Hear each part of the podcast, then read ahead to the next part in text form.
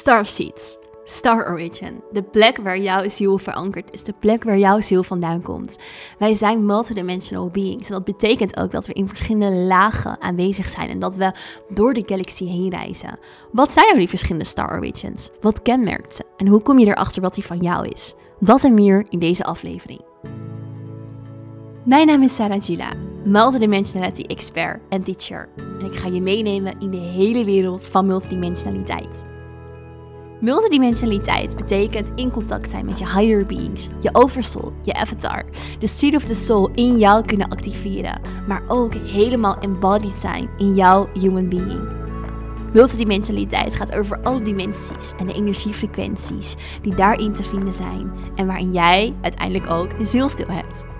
Kortom, ik neem je mee op een reis door dimensies en alles wat bij jou hoort. Ja, welkom terug bij weer een nieuwe aflevering van de Inspired Podcast. Super leuk dat je luistert. Ik ga het in deze aflevering met je hebben over een veel aangevraagd onderwerp.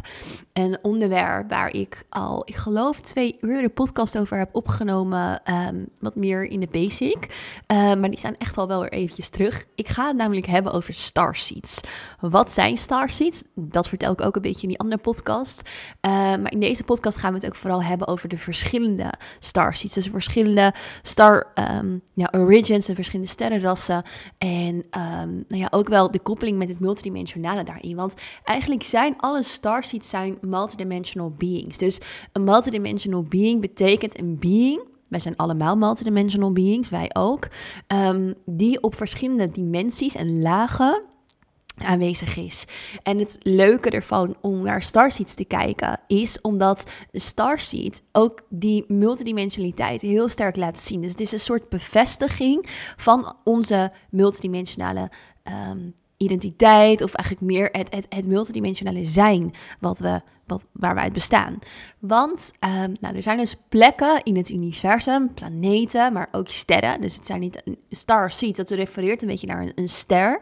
Maar het zijn zeker ook planeten waar andere beschavingen zijn. Waar andere beschavingen zijn um, van beings. Dus wij zijn meer het menselijke ras, hè, de human being. Maar je hebt ook de, uh, de avian beings, om het maar even zo te zeggen. Of de Pleiadische beings. Uh, wij zijn de human beings. En in de human beings zijn wij geankerd in dat wat we de derde dimensie noemen. Ik zeg eigenlijk altijd, is eerder de derde dichtheid en de vierde dimensie, want de vierde dimensie staat voor tijd. De derde dimensie staat voor ruimte en wij denken al in tijd. Dus er wordt eigenlijk altijd gesproken van, we, we zitten in de derde dimensie. Ik zie het eerder zo, we zitten in de derde dichtheid. Dus ons lichaam, die is niet in tijd. Ons lichaam, ons denken is in tijd. Ons lichaam is in, is in ruimte. Um, en nou ja, derde dichtheid, um, vierde dimensie, onze vierde dimensie denken. Dus daar zijn we in verankerd als human beings. Maar als we dan kijken naar de andere sterrenrassen, dan zien we dat zij juist ook in andere dimensies verankerd zijn. Dus hun maatschappij, maar ook hun lichamen, hun, hele being, um, is based in een andere dimensie. En dat betekent dat hun lichamen dus ook voorbij gaan aan ruimte en tijd. Dus wij zijn heel erg gekoppeld aan die ruimte met ons fysieke zijn als we willen reizen ja, dan reizen we uh, met de auto, met het vliegtuig. We reizen letterlijk door de ruimte. Um, en daarmee zijn we ook nog verbonden ook aan die tijd, hè, de tijd die dat inneemt. De starbeings die geankerd zijn in een andere plek, zij gaan voorbij aan die ruimte en tijd. Dus zij kunnen zich bijvoorbeeld teleporteren. Of zij kunnen sneller gaan in de tijd. Ze kunnen zelf hun lichaam verplaatsen voorbij aan die tijd. Ze gebruiken portals om doorheen te gaan, om van één plek naar een andere plek te gaan. Um, hun maatschappij, is hun beschaving is geankerd in een andere dimensie. En dat wisselt dus per plek, dat wisselt per uh, planeet, dat wisselt per ster, in welke dimensie ze verankerd zijn. En um, ja, zij, zij hebben dus al een hoger multidimensionaal bewustzijn. Nou, waarom reizen we nou? Waarom reizen starseeds of beings? Want wij zijn net zo goed allemaal starseeds. Waarom reizen we nou door um, het universum heen? Omdat we eigenlijk van al die plekken willen leren. We willen leren, we willen ontdekken, we willen groeien, we willen uh, uh, die andere uh, beschavingen helpen. Het wordt ook wel gezegd dat bijvoorbeeld de Pleiade, waar ik straks meer over zal vertellen, een beetje de voorloper is van onze maatschappij. Dus de beings daar komen ons helpen. En dat is ook zo omdat ze van buitenaf eigenlijk niet mogen ingrijpen hier op aarde. Dat is een kosmische wet. De beings mogen van buitenaf niet heel direct hier ingrijpen op aarde. Dat mag wel als ze hier geïncarneerd zijn. Dus wat doen de andere beings? Ze incarneren hier, ze worden eigenlijk even mens, om daar één van te leren voor hun persoonlijke missie. Dus elke starseed heeft altijd een persoonlijke missie. Dus wat wil het leren uh, voor zichzelf. Dus de ziel kan zich verder ontwikkelen, ook op verschillende plekken natuurlijk. En daarbij is er ook altijd een collectieve missie. En die collectieve missie is natuurlijk ook de missie voor hier op aarde. Maar die kan ook nog een laagje dieper zijn of groter zijn. Om ook een collectieve missie van bijvoorbeeld Sirius, een andere plek, hier naartoe mee te nemen. En vaak gaat dat over de aarde helpen het bewustzijn te verhogen. Omdat deze beings uh, en, de maatschappijen daar vaak al dus in een hoger dimensioneel bewustzijn verankerd zijn, um, weten ze dus ook dat het zo belangrijk is dat, dat we met elkaar naar unity gaan. Dat we met elkaar naar um, ja, meer eenheid gaan, ook in het universum. Dus daarom hebben deze andere beings er ook baat bij dat, um, ja, dat, we, dat we met de aarde um, opstijgen in het bewustzijn. Daarbij is het zo dat de aarde een groot experiment is. Dus het is de eerste planeet die zo aan het ascenderen is op de manier waarop wij nu doen. En dat ook de beings, de human beings daarin mee ascenderen, dus het lichaam. En daardoor kijken dus ook heel veel andere plekken vanuit het universum eigenlijk naar ons en naar de aarde van wat we aan het doen zijn. Omdat het bijzonder is. Omdat het bijzonder is hoe de aarde aan het groeien is en hoe ze aan het opstijgen is in haar bewustzijn. En daardoor krijgt de aarde heel veel belangstelling, interesse, want we kunnen ervan leren. En willen beings dus ook hier um, incarneren op de aarde. Um, nou, het kan dus zijn dat je je heel erg herkent in een van die starseeds. Um, Star Origins. Ik ga ze zo meteen ga ik er een groot deel van uitlichten, maar er zijn er heel veel. En het kan ook zijn dat je je in meerdere herkent. Om, dat noemen we een hybrid. Dus je bent een hybrid als je bijvoorbeeld, we zouden kunnen zeggen, Venusian Headers Hybrid. Dat betekent dat je dus een beetje houdt van de Venusians, een beetje houdt van de Headers. En dat je dus een hybrid bent tussen de twee. Venusians en Headers zal ik zo wat meer over uitleggen. Die liggen sowieso heel dicht bij elkaar. Het zijn wel kleine verschillen, uh, maar ze liggen ook heel dicht bij elkaar. Maar het kan dus ook zijn dat je een Pleiadische hybrid bent met bijvoorbeeld um, Andromeda bijvoorbeeld. Ik, ik, ik zeg maar even iets. Dus um, dan kan het zijn dat je dus veel levens hebt gehad op de ene plek, of veel incarnaties en de andere plek. Je star origin, want we komen natuurlijk allemaal van dezelfde bron. We komen allemaal van dezelfde bron, uh, source, waarin we dus een geïndividualiseerd deeltje bewustzijn worden. Dat geïndividualiseerde deeltje bewustzijn zoekt zijn of haar plek ergens in het universum. En um, dat is een beetje de star, weet je. Dus dat is de eerste plek of de plek waar het het vaakste geïncarneerd of waar het het meest zichzelf thuis voelt. Maar juist omdat we zo multidimensionaal zijn, reizen we ook voorbij aan die plek. En voor ons aarde bewustzijn is dat misschien nog iets heel geks, omdat wij dus ook een beetje achterlopen daarin eigenlijk. Hè. We zijn nog veel meer verbonden aan die ruimte-tijd. We hebben nog veel minder kennis over de andere werelden, lage dimensies. Maar voor de andere beschavingen is dat al veel normaler. En als we naar aarde komen, krijgen we dus die douche van vergetelheid, waarin we dus heel veel vergeten over, um, ja, um, letterlijk, we vergeten gewoon eigenlijk al het andere op een bepaalde manier tot op een bepaalde hoogte. En um, dat is dus bij de andere beschaving anders. Dus de star origin is de plek waar je je het meeste thuis voelt, of waar je het vaakst geïncarneerd bent, of waar je het sterkst verankerd bent, of waar van jouw ziel, als het zich loskoppelt van source, krijgt sowieso een stukje authenticiteit mee. En dat die authenticiteit het sterkst resoneert met die plek, of dat je het sterkst gevormd bent door die plek. En dat kun je een beetje zien dat als je bijvoorbeeld hier op aarde bent en uh, je, je, je bent nou, geboren in Nederland, maar je verhuist met je ouders mee naar uh, Zuid-Amerika als je jong bent. En je groeit uiteindelijk daar op en um, je, je leeft daar 20, 30 jaar. Dan zal je meer Zuid-Amerikaans voelen waarschijnlijk dan Nederlands. Althans, je bent meer gevormd door die plek. En zo gaat het ook dus voor je star region. Dus bij jouw ziel en meeste tijd gespendeerd heeft en geïncarneerd is. Nu ga ik het even heel ingewikkeld voor jullie maken, maar ik wil het wel graag delen uh, om je toch het totaalplaatje ervan te laten zien. We, kunnen we hebben natuurlijk verschillende zielsdelen. Dus ons zielsdeel wat hier in het lichaam zit, dat heeft een star origin. Maar je hebt ook higher beings die in elke dimensie verankerd zijn. En die higher beings bestaan ook ergens. En die higher beings zijn ook weer aan verschillende star origins verbonden. Dus dan kan het zijn dat het stukje van jouw higher being um, op dit moment verankerd is op de Pleiade, of de vijfde dimensie op de Pleiade, de achtste dimensie op Andromeda, bijvoorbeeld. Dus de higher beings kunnen op een bepaalde manier een verschil hebben in star origins. En dit maakt het ook nog multidimensionaler. Heel vaak denken mensen alleen maar, oké, ik heb één star origin. Nee, je hebt er eigenlijk meerdere. En dat komt omdat we de totaliteit bekijken, dat we uiteindelijk allemaal van source komen. En we zijn aanwezig in die meerdere lagen en we zijn aanwezig in die meerdere dimensies. Dus we hebben daarin dus ook meerdere star origins eigenlijk per dimensie, per laag, per higher being en, en een human being. Dus het kan zijn dat het zielsdeel, want het zielsdeel incarneert nooit volledig in jouw human. Um, dat dit zielsdeel bijvoorbeeld wat hier in je lichaam is, dat dat de soul's origin is, de star origin van de Pleiade. En dat je in je higher beings daarmee, nou ja, ook weer verbonden bent aan andere plekken. En dit mag je even vergeten. Ik wil ook voor deze um, aflevering gewoon van de, van de podcast focussen op de plek waar jij je met, vanuit dit zielsdeel um, het meest mee verbonden voelt. Maar weet dat het dus wel zo is. En dat het dus niet, um, nou ja, het, het, is niet zo limited. Um, om het zo maar even te zeggen.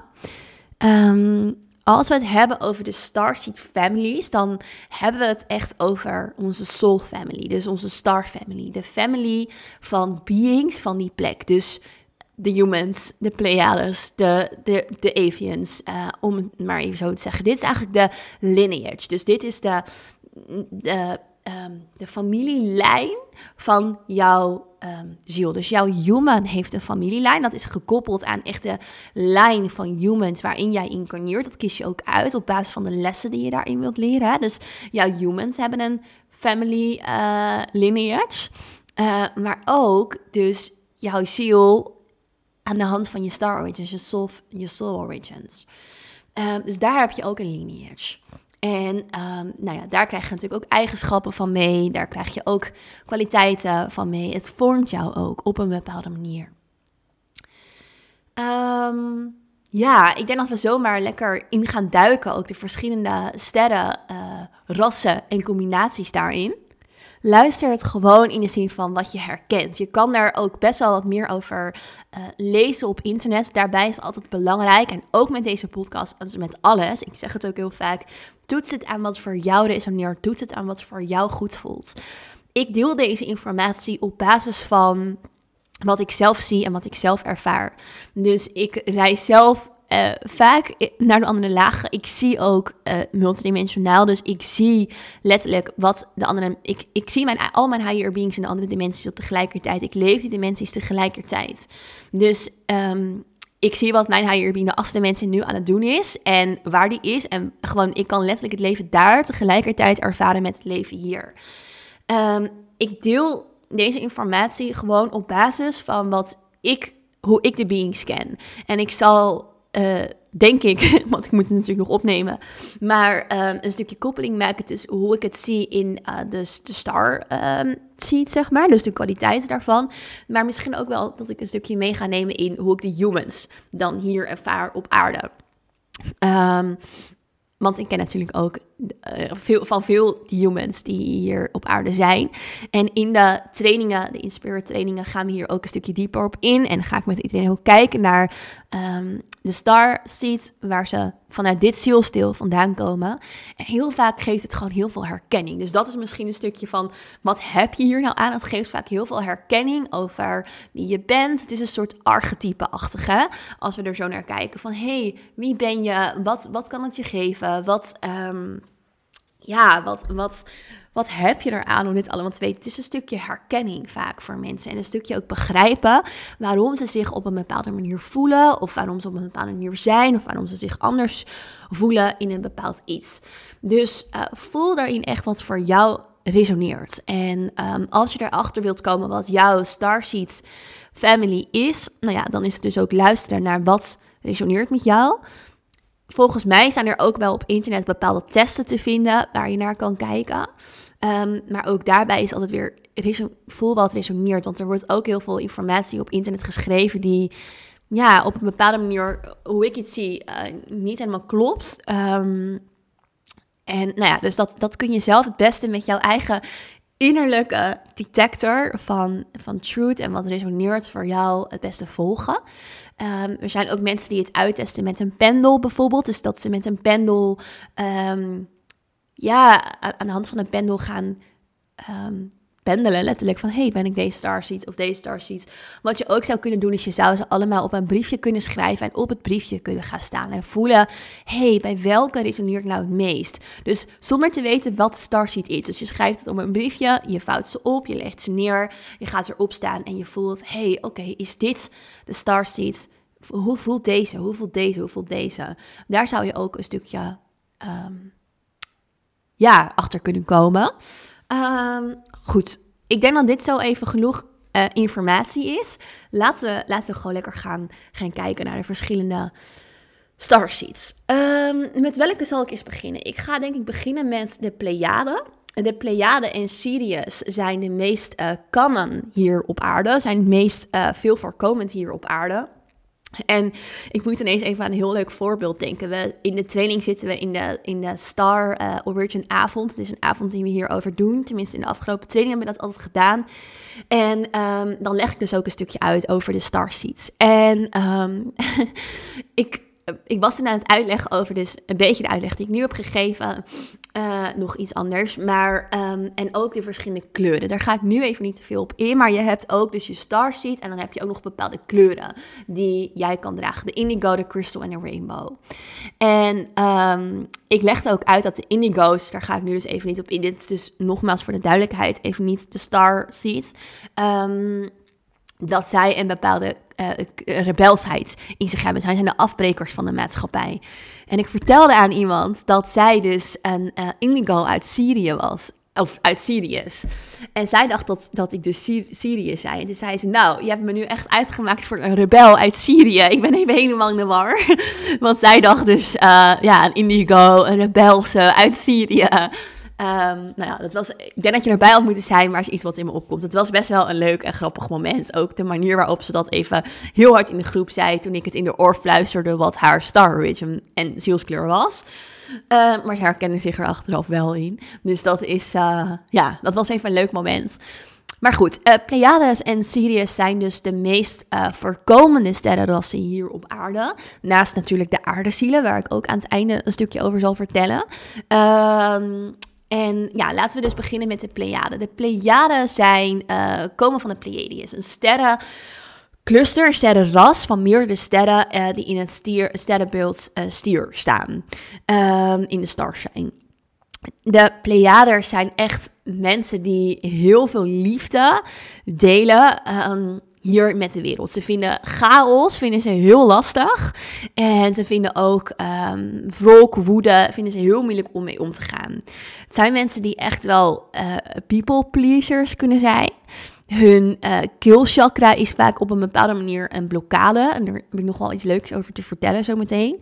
Um, en uh, ja, ze zijn best wel uh, ik, ja, ik zou wel kunnen zeggen, ze zijn best wel balanced in hun masculine en in hun feminine. Maar over het algemeen alsnog staan ze wel ietsjes meer, of in hun appearance, hoe ik ze in hun human ken, komen ze vaak wel wat sterker naar voren in de feminine. Dus ze voelen heel feminine, een beetje zwierig, een beetje, nou ja, heel erg loving. Um, ze, ze, nou ja, ze kunnen dus niet tegen die chaos, die willen ze het liefst zo snel mogelijk transmitteren naar kalmte.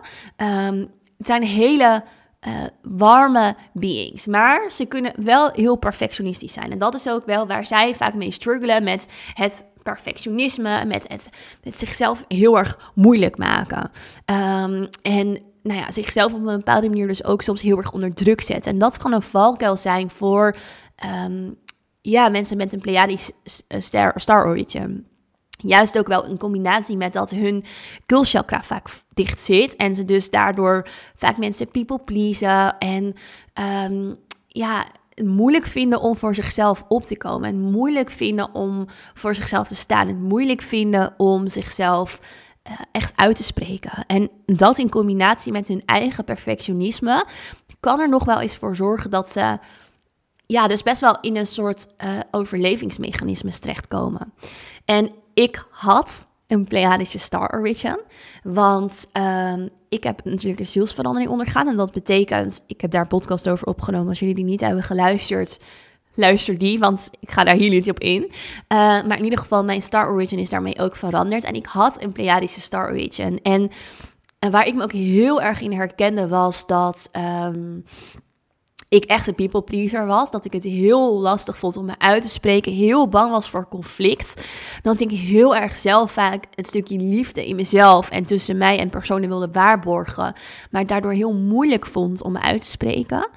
Um, en dat stukje keelchakra is ook wel grappig. Want ik zat daar dus pas over na te denken. En er was iemand die tegen me zei... Um, ja, ik luisterde jouw podcast vanaf het begin.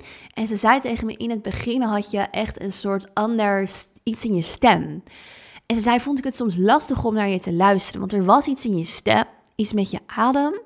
En ja, ze zei, dat, dat voelde soms niet altijd fijn. Ze zei, en nu sinds je zielsverandering ervaar ik dat niet meer. En dat is heel grappig, want ik denk dat dat dus ook heel erg gekoppeld is aan mijn ja, Pleiadische Star Origin om het eeuwig het uitspreken, het fluid laten stromen van de voice, van de stem, voor Pleiade soms lastig is. Um, niet per se dat ze niet een mooie stem hebben of niet kunnen zingen, maar vooral het stukje echt uitspreken. Um, ja, mijn Star Origin is dus veranderd. Ik heb zelfs een tattoo op mijn schouder staan nu van de Pleiade, terwijl dat niet meer klopt. Um, maar goed, het is nog steeds een prachtige plek. En het is ook heel mooi, eh, omdat het kenmerkt. Ja, het, is, het vertelt natuurlijk een verhaal.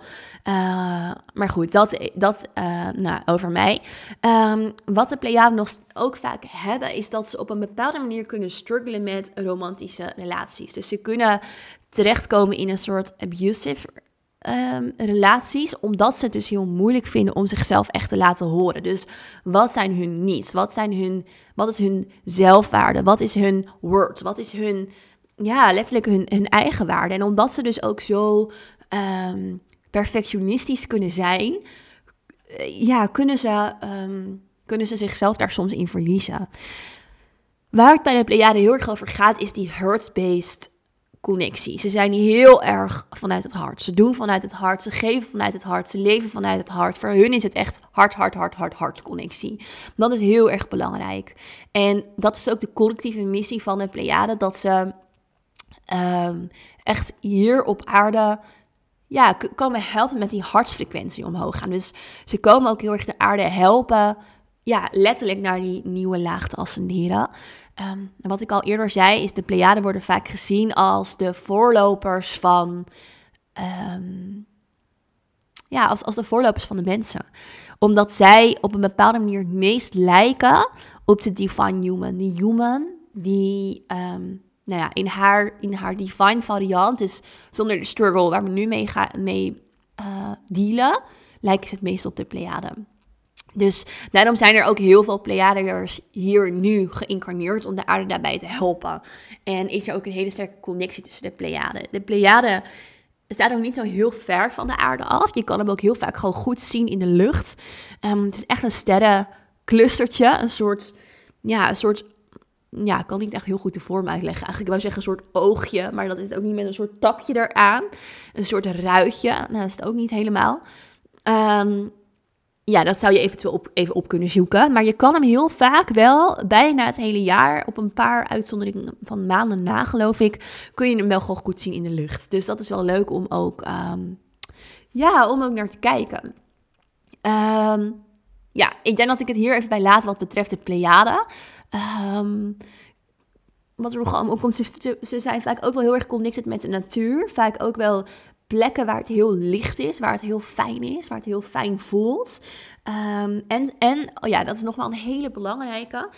Pleiadiërs voelen zich grappig genoeg, om, omwille van wat ik net zei, niet thuis op aarde. Terwijl eigenlijk um, de mens op een bepaalde manier, nou, nog wel ver afstaat van de Pleiade maar ze wel eenzelfde soort iets delen met elkaar. Um, Pleiadiërs kunnen echt homesick zijn. Ze kunnen echt zich hier niet thuis voelen, in dit lichaam het heel moeilijk vinden. en, dat geldt voor meerdere sterrenrassen, niet voor allemaal. Um, maar ze kunnen wel echt ja, heel erg zo'n gevoel hebben, wat doe ik hier? Dat heb ik zelf ook heel erg gehad, echt heel erg. En daardoor is het voor hen ook wel heel fijn om op een plek te gaan wonen op aarde waar ze zich op een bepaalde manier wel fijn voelen, zich wel connected voelen, waar ze wel ja, kunnen, um, um, ja, kunnen, kunnen zakken in een stukje acceptatie. Ik ben hier. Ik heb hiervoor gekozen vanuit mijn ziel. Ik ben hier en um, ja, this is what I have to do. dat. Dus, nou goed, de Pleiade. Dan laten we naar Syrië gaan, omdat Syrië, uh, Sirius, nu zeg ik zelf Syrië, Sirius, uh, ook een veel voorkomende uh, star uh, vertegenwoordiging heeft hier op aarde. En je hebt dus verschil onder de Syriërs, Syriërs. Um, vooral in frequentie. Je hebt verschillende plekken van Syrië. Ze worden eh, over het algemeen in onze kennis ook wel Sirius A, B en C genoemd. En het zijn sterren. Dus het is geen planeet, het zijn sterren. En als we het over deze plekken hebben, dan hebben we het heel vaak niet over de fysieke plekken. Dat wil ik nog benoemen. Dus de fysieke plek van Sirius is vaak een vuurbol, is een ster. Uh, is niet. Um, um, ja, de, plek waar de beschaving leeft. Ze, ze leven dus in het hoger dimensionale. Ze leven dus in een andere laag, in een andere dimensie. Dus als we het over hun sterren thuis hebben, dan is dat een hoger dimensionale plek. Um, dan bijvoorbeeld echt de planeet of de ster. Nou, Sirius A en Sirius B, om dat ook maar even als termen te gebruiken. Hoe ik het zie en hoe ik ze ervaar, deze beings, is dat je ze bijna samen zou kunnen pakken. Het enige is dat Sirius B dus een andere ster is, die veel kleiner is dan Sirius A. Um, en dat Sirius B een waterplaneet is. En dat betekent dus dat er heel veel water daar aanwezig is. En dat dus de beings, de Sirius beings, die van dit stukje Sirius komen, om maar even zo te zeggen, vaak ook een hele sterke connectie met water hebben. Dus ze voelen zich heel erg tot water aangetrokken. Um, over het algemeen zijn de Sirius A en B lijken qua eigenschappen heel erg op elkaar. Um, ze, ze hebben allebei eenzelfde ja, soort ik wil bijna zeggen DNA, ze lijken daarin gewoon heel erg op elkaar. Wat Sirius kenmerkt is, ze hebben over het algemeen echt een stukje autoriteit, een stukje leiderschap. En dat is in hun Star Origin, zie je dat, maar juist ook heel erg in hun humans. Dus de humans die ik ken, die van Sirius zijn, die tonen ook echt een stukje leiderschap. Ik heb twee vriendinnen die um, Sirius zijn. En zij zijn, ja, de ene nog iets meer dan de ander. Uh, echt heel erg ook met dat leiderschap op een bepaalde manier bezig. Ze, vinden dat heel. Um, ja, dat, dat, dat is ook heel erg hun missie. Om, en vooral ook om daar een nieuwe, nieuwe vorm van leiderschap aan te geven. Um, ze voelen diep. Ze zijn diep connected, ze voelen diep en ze voelen ook liefde daarmee heel diep. Dus het zijn ook hele liefdevolle beings, ook al kunnen ze soms wel in hun mens zijn. Sommigen, ook weer niet allemaal, een beetje overkomen als, ja, hoe zeg ik dat? Soms vinden mensen ze een beetje triggerend. Of zijn mensen lichtelijk um, bang voor ze. Zeker als je een Pleiader naast een Sirius uh, starseed zet. Omdat de Pleiader is heel erg zacht en liefdevol en echt, oh, maar weet je wel, uh, heel erg, oké, love en, en, en, en iets meer, veel zachter. En Sirius is, ja, we willen echt voor liefde gaan en we moeten dit en dat. En zij zijn veel meer um, direct, denk ik ook op een bepaalde manier. Daarmee hebben ze ook heel graag een wat kleinere inner circle. Dus voor hun is het heel fijn om echt de mensen om hun heen best wel selectief te hebben. En vanuit daar is hun impact ook groter. Dus voor hen is het belangrijk om niet te veel contacten te hebben. Om niet te diffuse te raken in heel veel sociale contacten. Omdat ze daarmee eigenlijk een stukje van zichzelf ik wilde bijna zeggen kwijtraken, maar het is niet helemaal wat ik bedoel. Maar ze, kun, ze komen daarin niet het beste tot hun recht. Omdat ze juist ook best wel vaak een sterke missie komen brengen. Die dus over leiderschap nemen gaat. En voor hun is het als ze te veel met andere beings in contact staat, verliezen ze een stukje leiderschap in zichzelf. Een stukje leiderschap voor zichzelf. Omdat ze te veel bezig zijn met andere mensen. Terwijl ze ook, het voor hun heel erg belangrijk is dat ze ook juist in hun eigen energie gecenterd zijn. En dat is ook de reden waarom sommige Sirius Starseeds het lastig vinden om mensen te dichtbij te laten komen. Dus ze houden ze soms iets meer op afstand. Um, en als, totdat je echt in hun inner circle zit. En dan overspoelen ze je eigenlijk meer met die liefde. En willen ze ook echt helemaal voor je gaan. Dus gaan ze voor je door het vuur en uh, staan ze helemaal voor je klaar. En ja, is het voor hun ook echt uh, no question dat ze er voor je zijn, dat ze je dragen, dat ze je helpen. En dan nemen ze daarin ook weer een stukje leiderschap eigenlijk. Um, ze kunnen ook echt inspiratoren zijn. Dus dat past ook wel weer echt bij dat leiderschap. Ze willen vaak een impact geven. Uh, hun gift is ook echt om andere mensen te zien. Ze zien mensen, uh, waardoor men, die mensen zichzelf ook weer beter kunnen zien. Waardoor die mensen zichzelf ook weer beter in hun eigen zelfliefde kunnen zien. Beter in hun eigen. Um, ja, uh, zichzelf, zelfwaardering. En het mooie is dat als je naar de lucht kijkt, dan is Sirius ook een van de dus de felste sterren die we kunnen zien, de Sirius kun je ook heel goed zien in de lucht. Um, en ook a Shining Bright. Shining Bright, dat is denk ik ook heel erg een waarde die ik veel herken bij Sirius in zowel hoe ik ze ken in de multidimensionaliteit als ook in, in, in de incarnaties die ze hebben als human. Shining Bright, um, je, jezelfliefde vergroten, dat delen vanuit die liefdevolle plek, een betekenisvolle bijdrage. Um, leveren. Ze kunnen er niet goed tegen, serieus mensen, als ze op een bepaalde manier rondom mensen zijn met een wat lager zelfbeeld. En soms is dat voor zichzelf nog wel een, een stukje van growth. Uh, tegelijkertijd dan hebben ze niet altijd zelf het meest sterke sterk zelfbeeld. Dat is niet wat ik ermee wil zeggen. Maar als ze dat eenmaal ontwikkeld hebben, wat voor hun vaak dus wel een journey is in het leven en wat voor hun vaak dus wel echt belangrijk is dan vinden ze het soms lastig om rondom mensen te zijn die ja, zichzelf heel klein houden of een laag zelfbeeld hebben of misschien wel heel erg timide zijn of, of introvert zijn.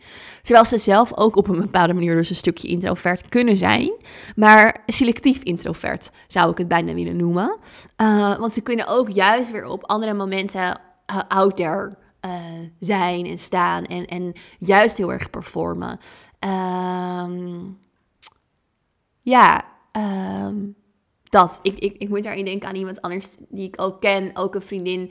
Zij is ook serious en zij is ook een performer, maar tegelijkertijd is ze niet mega expressief of, of weet je wel, dus heeft ze ook wel een introverte kant. En um, ja, dus dat is, dat denk ik ook wel echt heel erg de kenmerk van, van Sirius. Dus even te denken, wil ik hier nog iets over zeggen? Um, Nee, ik denk dat ik hem, dat ik hem hierbij hou. Dus uh, ja, Sirius. Sirius A, Sirius B. Oh, en Sirius C. Zij komen veel minder vaak uh, op aarde voor. Zij zijn niet zo heel erg dat ze afdalen naar aarde. Zij zijn um, nog meer de leaders of de leaders, maar vanuit dus het multidimensionale. Zij sturen eigenlijk op een bepaalde manier ook andere Sirius uh, beings um, aan. Maar dan vanuit de higher realms. Dus echt vanuit het hogere dimensionale. Zij zijn er ook heel erg. Zij zijn ook heel erg voor rechtvaardigheid. Nogal iets meer dan andere series A en B. Over het algemeen zijn, is het, geldt ook hierbij dat ze redelijk dezelfde eigenschappen delen. Maar zij zijn nog meer voor um, rechtvaardigheid. Dat ze dat heel erg belangrijk vinden. Uh, Sirius A en B, nog iets wat er even over me opkomt. Ze houden vaak ook heel erg van dieren. Ze, dus ze kunnen daar ook heel erg mee connecten. En daar zijn zij bijvoorbeeld wel in met rechtvaardigheid. Dus animal rights, animal uh, protection. Um, hoe zeg je dat? Uh, animal, nou ja, letterlijk bescherming. Daar zijn zij ook heel erg mee bezig. En echt voor de Sirius C geldt dat ze dat bijna doen richting de andere sterrenrassen. Maar dat gebeurt dus veel minder vanuit echt een ja, een incarnatie hier um, ja, op aarde. Oké, let's go to. Wat zullen we doen? Arcturius. We gaan het hebben over Arcturius. Arcturius zijn echt de doers. Ze zijn de pioniers. Ze willen vaak alles weten. Als ik Arcturius in de trainingen heb, um, dan één persoon. Als je luistert, je weet wie je bent. Nee, um, stelt heel veel vragen en dat is ook leuk, want daardoor gaan we heel erg de diepte in. Arcturiërs zijn echt de vragers. Ze willen alles weten, ze willen alles... Um, ja, ze, ze, willen alles weten. Ze willen overal zichzelf in vastbijten, in de diepte. Uh, het zijn pioniers. Um, en ze zijn daarin ook heel erg vaak gefascineerd door nou ja, bijvoorbeeld culturen of klimaat of andere starseeds of uh, het universum in het algemeen, de kwantumfysica. Uh, ze zijn ook vaak heel erg logisch gericht, dus ze zijn heel erg... Um, ja, ze, ze, denken heel erg in wat logisch is. Ze zijn heel erg op de toekomst gericht. Ze kijken graag um, los van dingen naar elkaar, dus ze onderzoeken iets. Dus ze duiken ergens heel erg in en dan kunnen ze ook ergens anders weer heel erg induiken en weer ergens anders heel erg induiken. Uh, dus ze kijken soms naar iets op zichzelf en dan vanuit daar zoomen ze ook wel uit naar het grotere geheel, maar, maar ze willen alles tot in het detail begrijpen. Ze kunnen ook best wel een beetje wiskundig zijn, dus uh, hoeft niet, maar best wel, uh, ja, hoe zeg ik dat? Bijna misschien wel analytisch is misschien beter het woord. Um, sommige, maar dat hoeft echt niet allemaal, zijn ook een beetje technisch. Um, en dat betekent ook wel dat, omdat ze zo sterk soms in hun mind zijn, in het analytische, in het praktische, in het logische, in het, het verklaren, dat ze het soms moeilijk vinden om dingen te voelen. En dat ze het soms lastig vinden om hun gevoel helemaal toe te laten. En dat ze daar in stukjes van zichzelf wat meer onderdrukken. En dat ze daarin een stukje meer een muur in zichzelf optrekken. Uh, om zichzelf een beetje te beschermen tegen dat gevoel. Want dat gevoel helpt ze eigenlijk niet in dat hele logische stuk. En, en voelen ze zich soms in conflict. Ze lijken een beetje op de serious people.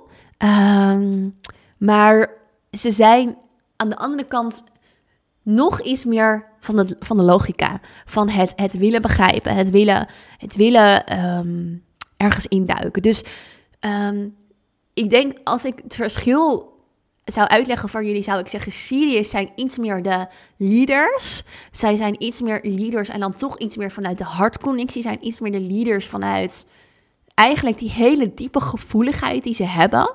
Maar die ze vaak ook niet zo heel erg laten zien, maar die ze wel hebben. Bij Acturius hebben ze die gevoeligheid ietsjes minder. Zijn iets minder sensitief. Zijn ze nog steeds wel, maar iets minder.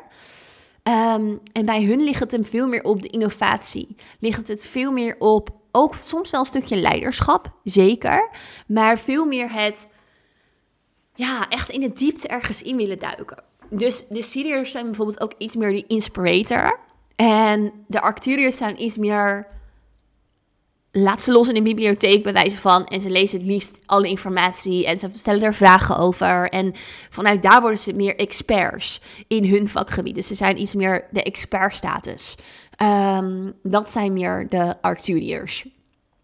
Um, wat ook nog wel heel kenmerkend is voor de Arcturiërs, is dat ze juist ook omwille van dat ze um, best wel soms dingen dus in zichzelf kunnen onderdrukken, hun shadow side heel erg belangrijk is. Dus voor hun is het heel belangrijk om shadow work te doen. Is het belangrijk om daar naar te kijken. Um, juist ook om in hun eigen heelheid te staan. En dat is natuurlijk voor iedereen zo. Maar voor Arcturus is dat extra belangrijk. Want als ze dat niet doen, dan benutten ze een deel van hun eigen power niet. Um, die shadow is een stukje wat echt heel erg bij hun hoort. Niet om in het shadow te zijn, maar je ziet ook vaak dat Arcturus incarnaties, dus mensen met een Arcturus star origin hier incarneren, dat zij ook ehm, ehm, heel graag het liefst echt ergens in willen duiken. Ze, ze willen ergens uh, in, in de verdieping gaan. Ze willen ehm, nou ja, daar alles uit begrijpen. En dat is ook in het stukje van hun eigen shadow. Als ze dat niet benutten, dan hebben zij wat meer kans om uh, in verslaving te gaan, of depressie of angst. En doen ze ook veel meer dingen vanuit een plek van angst. Uh, kunnen ze soms een beetje vastzitten in het stukje angst. Um, wat wel heel mooi is ook bij Arcturius, juist ook omdat het voor hun ook, ook weer heel erg gaat over die heelheid, wat natuurlijk bij allemaal is, maar juist ook omdat die shadow daarin ook belangrijk is, is dat ze wel heel balanced zijn vaak in hun masculine en hun feminine. Dus zij zijn vaak um, ja, echt, echt gebalanceerd masculine en feminine. En dat, dat merk je wel bij Arcturius. Terwijl als je het zo hoort, dus hun kwaliteiten best wel masculine lijken. Omdat ze dus die logica zo hebben. Um, maar tegelijkertijd dus ook bezig zijn met de shadow. Bezig zijn met wat er zich dan dus onderdrukt in hen. Um, dat is ook juist wel weer het stukje de feminine er laten zijn. Tegelijkertijd staan ze heel erg voor die heelheid. Staan ze ook heel erg voor loyaal zijn.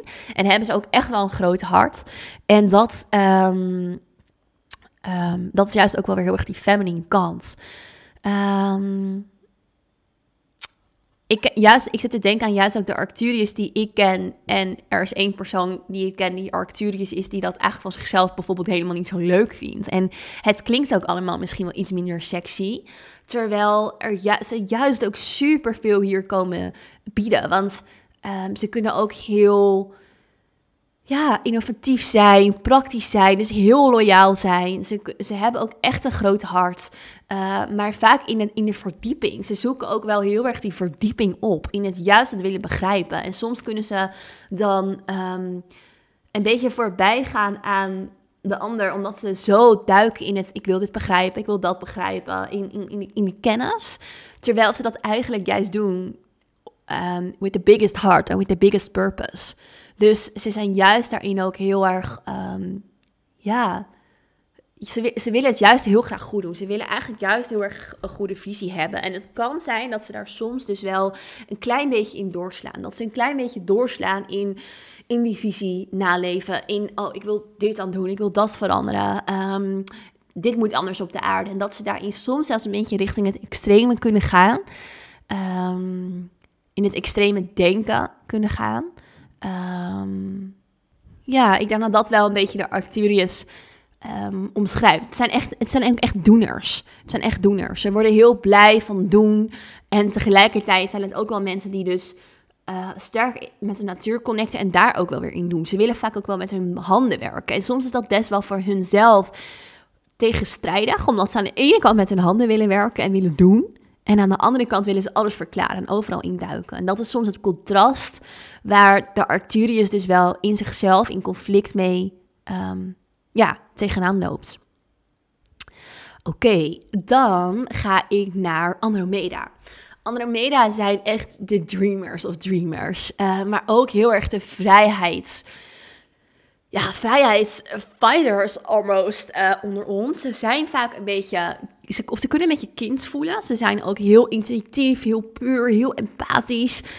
Um, ik vind het feit dat Andromeda's die ik ken, die hier geïncarneerd zijn, zij lijken bijna een beetje op de fairies. Dus fairies zijn ook um, heel zacht, dreamy, maar tegelijkertijd kunnen ze ook wel echt warriors zijn. Een soort van de hidden warrior. Zo voelt het voor mij vaak een beetje bij Andromeda. Dus zij, um, ja, echt, echt heel erg die puurheid vind ik ook heel erg daarin op, uh, op de voorgrond staan. Het heel erg het empathische zijn vaak heel erg gevoelig.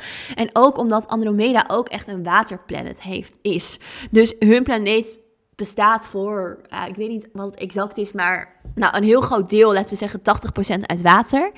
Um, zij, zij zijn ook heel erg connected daarmee vaak met het water, maar tegelijkertijd ook wel met de bossen.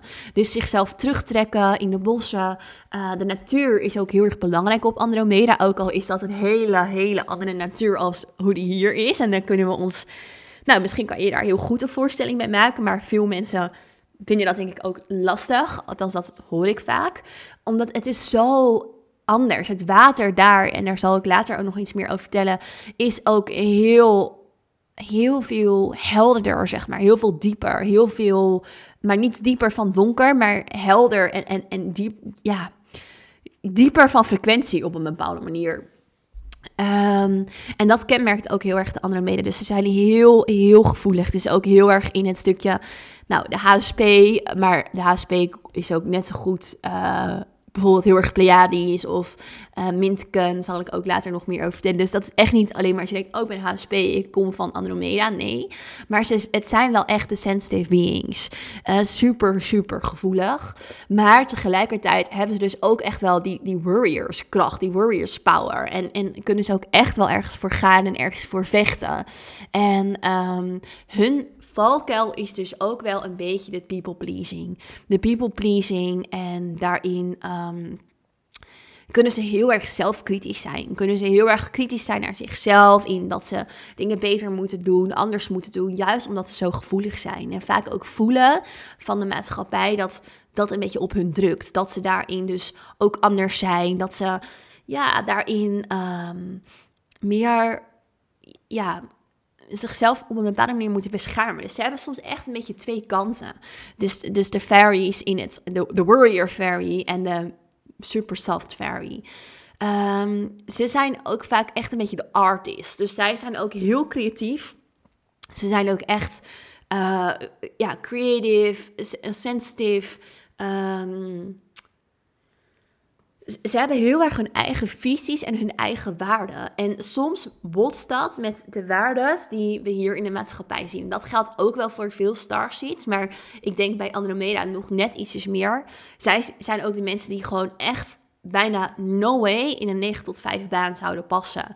Dat is echt niet passend voor hen. Dat is voor hen lastig. Uh, vaak trekken ze erop uit. Gaan ze, doen ze iets anders. Gaan ze uh, bijvoorbeeld in een tiny house wonen? Um, gaan ze, uh, trekken ze het bos in? Um, ja, zijn, zijn ze veel meer echt. Um, ja, trekken ze hun eigen plan. Ook zij hebben best wel een goede balans tussen de masculine en de feminine. En dat is denk ik juist ook weer dat stukje de feminine heel erg de sensitive en de masculine toch ook wel die warrior. In de, niet dat de feminine niet warrior kan zijn, want de warrior woman zeker ook. Maar um, in het, doelgericht zijn. Ze lijken vaak heel soft en zacht, maar als ze iets in hun hoofd hebben, wat hun vrijheid, want het gaat voor hun ook heel erg over vrijheid. Als hun vrijheid in gevaar komt, dan zijn ze echt van: oké, dit en dit gaan we doen. Dus dan zijn ze best wel heel erg een, een, een, een warrior daarin. En dat is ook wel weer waarin ze op de fairies lijken. Van oké, um, dit gaan we zo doen en dit doen we zo. En dit is what it is. Uh, terwijl ze ogenschijnlijk vaak naar voren komen als dus de sensitive, de introvert, de dromer. Uh, weet je wel, echt die artist. Uh, op een bepaalde manier. Um, ja, dat is de dat is de Andromeda. En hun wereld lijkt een beetje op een soort sprookjeswereld. Um, um, ja, dat is echt uh, de Andromeda. Ook super, super mooie plek waar ik zelf ook veel connectie mee heb. Um, ja, wat ik ga doen is, ik ga deze podcast voor nu Um, ik ga hem even opknippen in twee delen, want ik zie dat ik al bijna 50 minuten aan het praten ben. En ik vind het altijd fijn om de podcast ook niet super lang te laten zijn voor jullie, om dat lekker behapbaar te laten uh, per luisteren. Dus morgen ga ik zorgen dat er een um, vervolg komt. Morgen komen er een vervolg met andere Star Origins, waar we het onder andere gaan hebben over, wat hebben we nog meer? Ryan, Minteken, Lyra. Uh, de Blue Avians wil ik het ook nog met jullie over hebben. De Phoenicians. De Gaia-zielen. De Earth. Um, nou ja, en geen idee wat er verder nog meer allemaal uh, uh, doorkomt. Een stukje misschien Lemuria en Atlantis kunnen we er ook nog bij pakken. Um, ja, dus dat in, in deel 2. Dankjewel voor het luisteren naar deze podcast. Als je het leuk vond, uh, zorg ervoor dat je de podcast even wat sterren geeft. Of op Apple Podcast een review schrijft over de podcast. Dat zou super veel voor me betekenen. En dan wil ik je voor nu heel erg bedanken voor het luisteren. En tot in deel 2. Tot morgen.